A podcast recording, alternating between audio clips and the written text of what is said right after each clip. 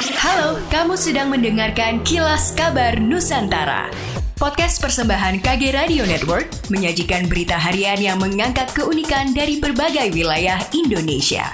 Kilas Kabar Nusantara dapat juga didukung oleh pengiklan loh.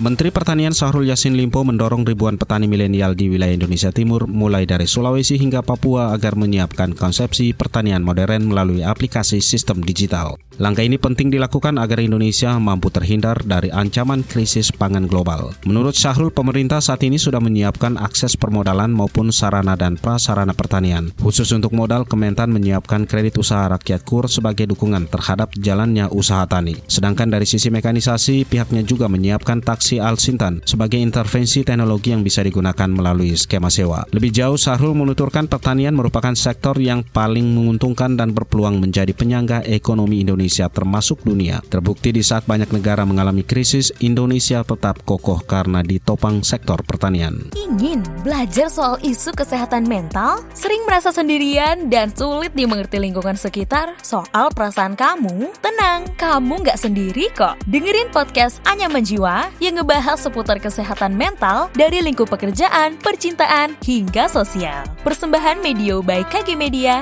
dan Sonora FM di Spotify. Paspor Indonesia dengan pengesahan tanda tangan tetap sah dan berlaku ke negara tujuan mana pun. Hal ini ditegaskan oleh Direktorat Jenderal Imigrasi Kementerian Hukum dan HAM. Penegasan ini menyusul pemberitahuan oleh Kedutaan Besar Kerajaan Belanda di Jakarta terkait pengajuan visa ke Belanda, Belgia, dan Luxembourg. Kedutaan Besar Belanda di Jakarta menyampaikan bahwa mulai 10 Oktober 2022, semua WNI dapat mengajukan visa ke tiga negara tersebut menggunakan paspor Indonesia dengan pengesahan endorsement tanda tangan. Doa bersama untuk mendoakan korban musibah Stadion Kanjuruhan digelar oleh keluarga besar Dinas Pendidikan dan Kebudayaan atau Disdikbud Kota Malang di NCC Balai Kota Malang di mana siswa-siswi SMP, SMA, SMK sekota Malang juga turut ikut secara virtual dalam acara doa bersama ini. Wali Kota Malang Dr. Handes Haji Sutiaji dan Wakil Wali Kota Malang Insinyur Haji Sofyan Edi Jarwoko juga turut hadir dalam acara doa ini dan mengungkapkan kegiatan doa bersama ini untuk mendoakan segenap Aremania yang gugur dalam musibah di Stadion Kanjuruhan. Serta doa ini juga mendoakan agar korban musibah Kanjuruhan yang sedang sakit supaya secepatnya diberikan kesembuhan. Wali Kota Sutiaji mengungkapkan bahwa saat ini di antara saudara-saudara yang tertimpa musibah di Stadion Kanjuruhan masih ada yang dirawat di rumah sakit. Beliau juga berharap dan menitipkan doa kepada seluruh yang hadir agar korban tidak bertambah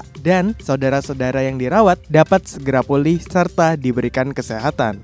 Demikianlah kilas kabar Nusantara malam ini.